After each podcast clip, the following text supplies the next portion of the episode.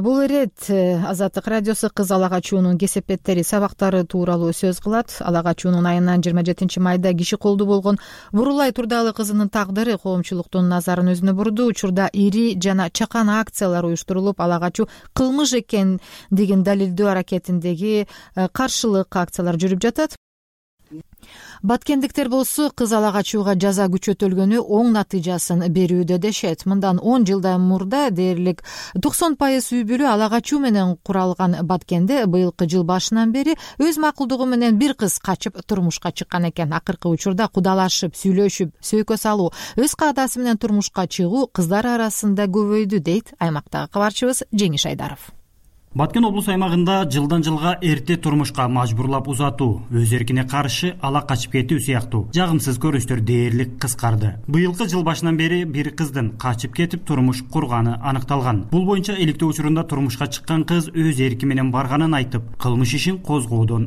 баш тартылган. Абалдын күндөн күнгө жакшырып жатышына ар бир айыл жерине чейин түшүндүрүү чараларынын жүрүшү коомчулуктун туура маани бериши себеп болду дейт облустук ички иштер башкармалык өкүлү дамира юсупова. Эки миң он үчүнчү жылы жыйырма төрт ал эми быйылкы жылда баткен районунан кыз ала качуу боюнча бир фактысы февраль айында катталган. Облус аймагындагы жер жерлерде кызмат өтөп жаткан э, милиция кызматкерлери жергиликтүү бийлик өкүлдөрү жана э, кырк үч коомдук алдын алуу борбору бар.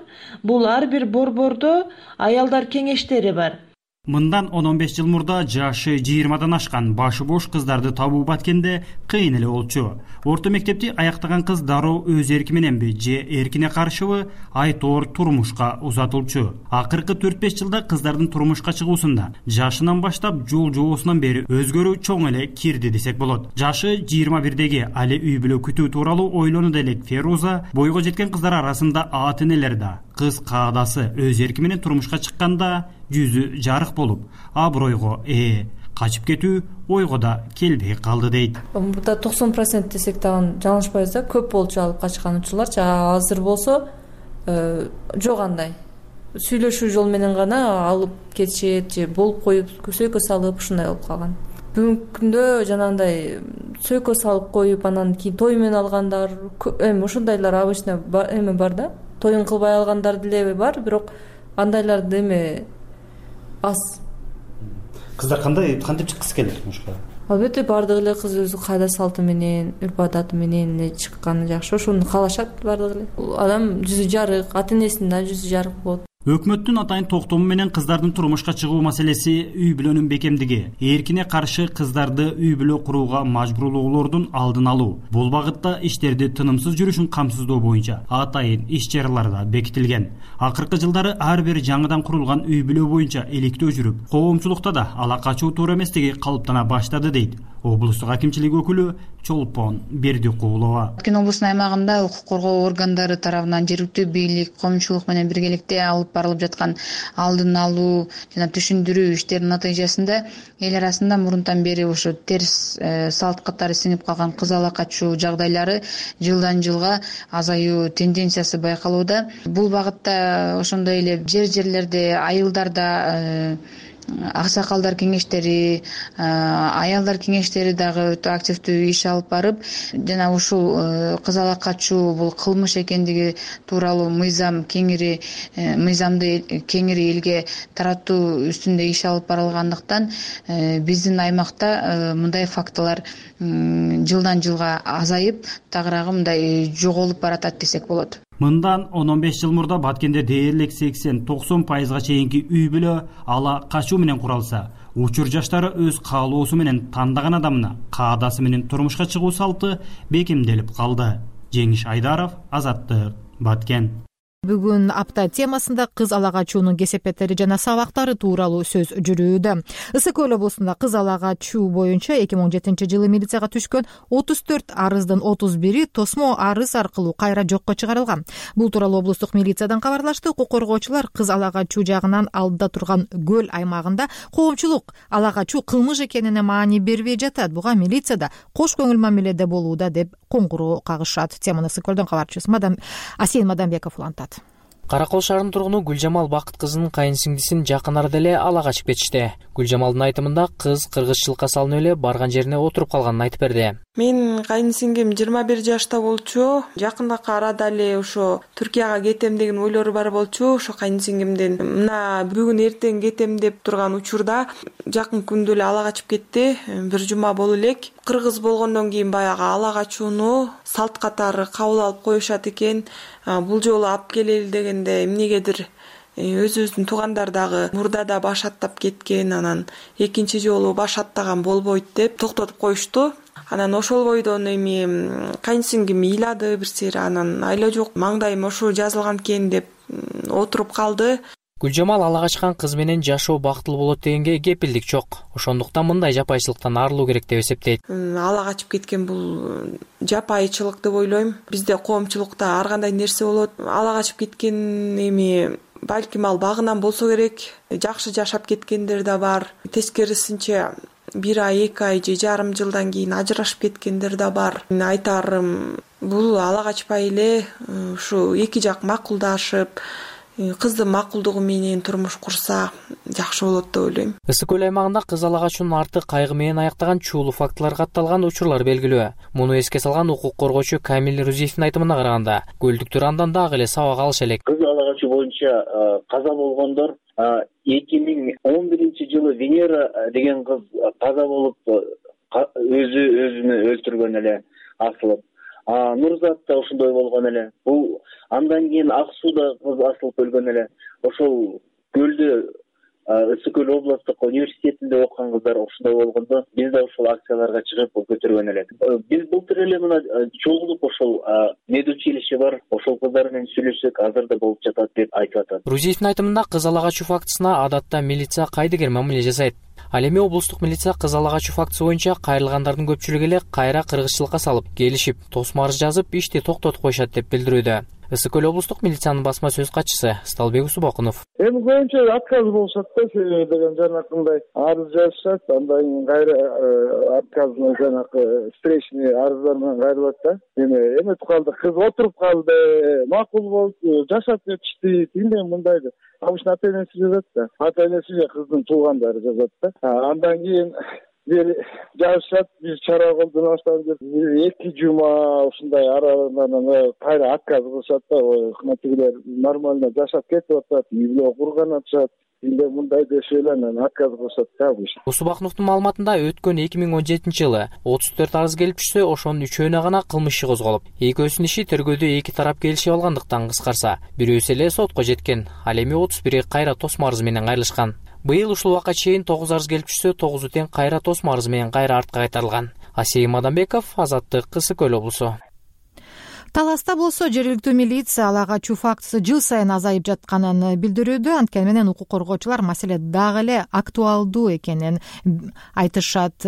Сөз таластагы кабарчыбыз альбина сулаймановада апамдар келди алып кетебиз деп элечи милиция менен келишти анан кийин. Бирок ал жерден мен ойлочумун да мурдачы ала качып кетсе оңой эле кетип калам деп. Бирок андай эмес экен босогонаттан кийин уже ал жерден кетиш уже невозможно экен. Каргадай болгон жалгыз балам баламан айрылгым келбейт деп анан ушинтип апасы жалбырап баары чөгүлүп ыйлашып анан тайнеси могу босоого жатып алам айланайын мени аттап кетир деп анан өзүмдүн апамда каргыш деген бар мындай тиңдей бир туугандарыңды ойло деп ушу отургузуп калышты. Бишкектеги окуу жайлардын биринде журналистика тармагында билим алып жаткан он тогуз жаштагы жаркын бир ай мурун ала качуу жолу менен таластын көйгөй айылына келин болуп келди.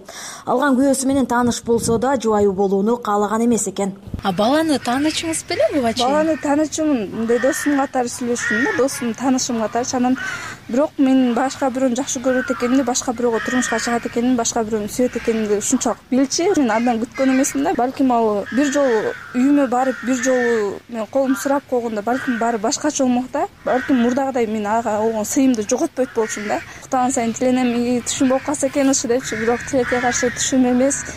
Эгер ала качып кетпегенде майдын он экисинде өзүнүн жигити менен турмуш курмакмын деген жаркын жагдайды тагдырга шылтап тим болду баардык пландар ой кыял максаттардын баардыгы ишке ашкан жок. Албетте бирок бир жеңишим бул менин балдарым эле болгону болбосо андай деле жеңиш эми алган жокмун да бул жерденчи. Ала качуу жолу менен ушул эле айылга мындан сегиз жыл мурун наргиза да келин болуп келген. Ал кездеги он жети жаштагы секеле кыз бүгүн төрт баланын апасы.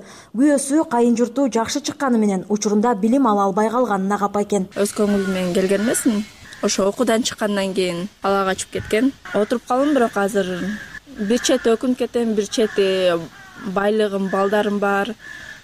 Кудайга шүгүр азыр төрт балам бар. Улуу кызым биринчи класста окуйт эки кыз эки уулум бар. Жолдошум өзүмөн он жашка улуу. Эмнеге өкүнүп кетем? Ошол окуп жүргөндө менин окуучулугумду балалыгымды алып кеткенине өкүнөм. Башка өзүмдүн курбуларымдай окууга тапшырган болсом анда башкача жашоо болот беле балким билбейм да мисалы үчүн. Башка жашоо болмокпу деп ойлойм да мисалы үчүн. Сен экөөбүз деле тең экенбиз. Сен журналистиканы бүтүп атасың мисалы үчүн. Мен болсо үйдө бала багып үй жумуштары казан аяк деген нерселер менен отурам балалыгымды эрте алып кеткендерине өкүнөм да. Деген наргиза ала качуунун оош кыйышы тууралуу мындай оюн айтты.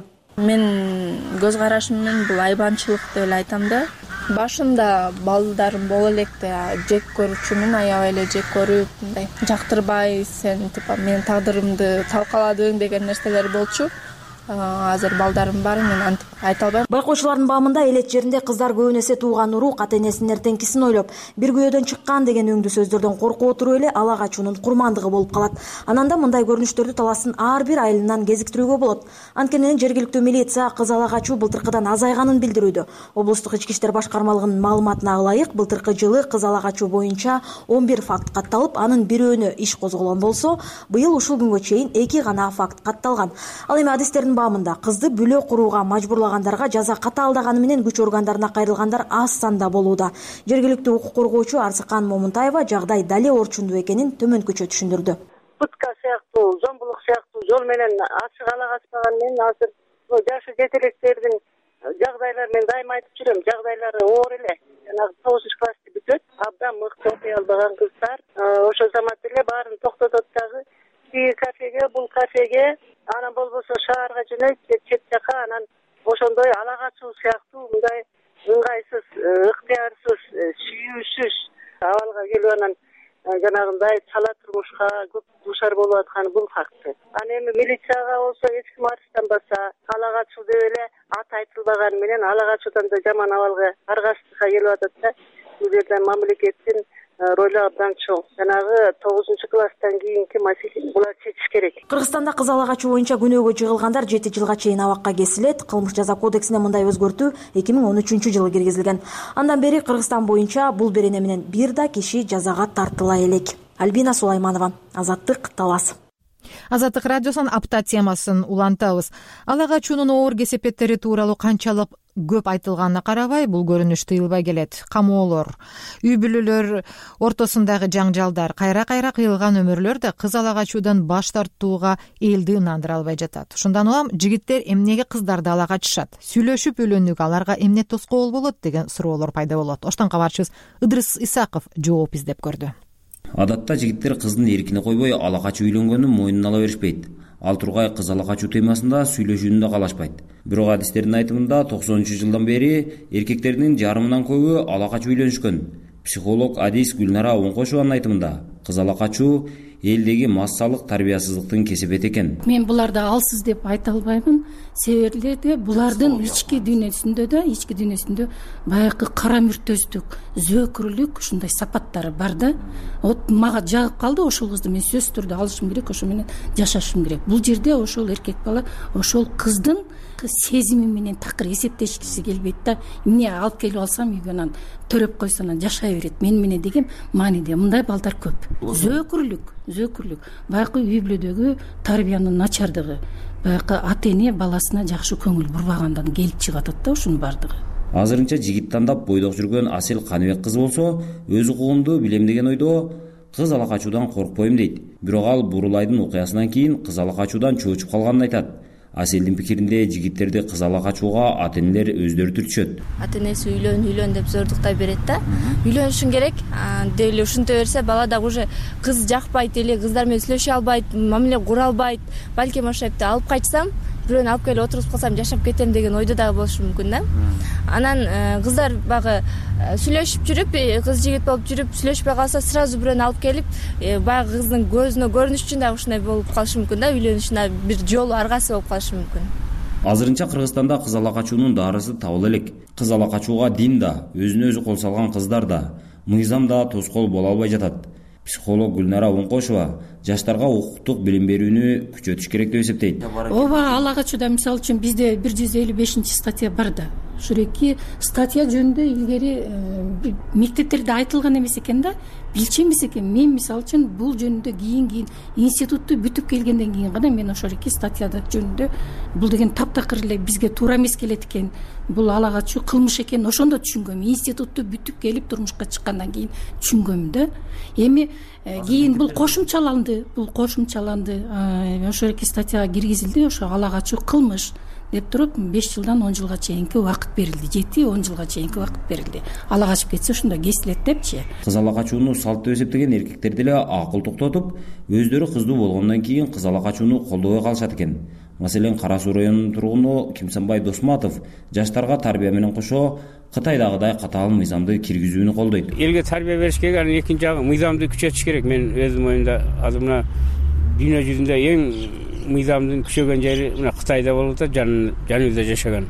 Бүт керек болсо ол кылмышкерлерди түрмөгө алып кирип убакпастан жазасын ордунда берип атат. Керек болсо атып октун пулун ошол жерде төлөтүп алып атат. Ал эми ош шаарынын дагы бир тургуну гүлмира табакалова элге китеп окуганды үйрөтмөйүнчө кыз ала качуу сыяктуу көйгөйлөр чечилбей кала берет деп эсептейт. Менимче бул жердечи китеп окутуш керек булардычы китеп. Мен э, китеп окуса дейт элем адамдардычы э, телевизордон көргөнгө караганда интернеттен окуганга караганда китеп окуган тарбия башка.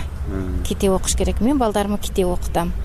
Китепке тарбиялайм адистер болсо кыз ала качуу балдардын тарбиясыздыгынын укуктук тартиптердин чаржайыттыгынын мектептерде билим менен тарбиянын бири биринен ажырап кеткенинин жана маданий тарбиянын токтоп калганынын кесепетинен болуп жатат дешет. Ыдырыс исаков азаттык ош месе апта темасын жыйынтыктап айта турган болсок коомчулукта кыз ала качуу кылмыш экенине көп маани берилбей келет экен. Ошол эле маалда айрым жерлерде кыз ала качуу учурлары кыйла азайыптыр. Ушуну менен азаттык радиосунан э, кечки кезектеги берүүбүздү аяктайбыз. Биздин эфирден кеткен радио материалдарды маалымат кабарларды азаттык чекит орг сайтыбыздан окуп э, видеолорду көрүп туруңуздар. Прагдагы студиядан сиздер менен айнура жекша кызы коштошот. Сак саламатта калыңыздар